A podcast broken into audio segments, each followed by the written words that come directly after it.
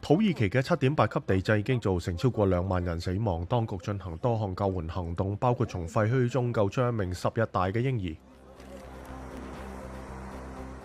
被派往本軍控制區幫助地震災民嘅援助車隊受到效忠敘利亞反對派組織嘅阻挠。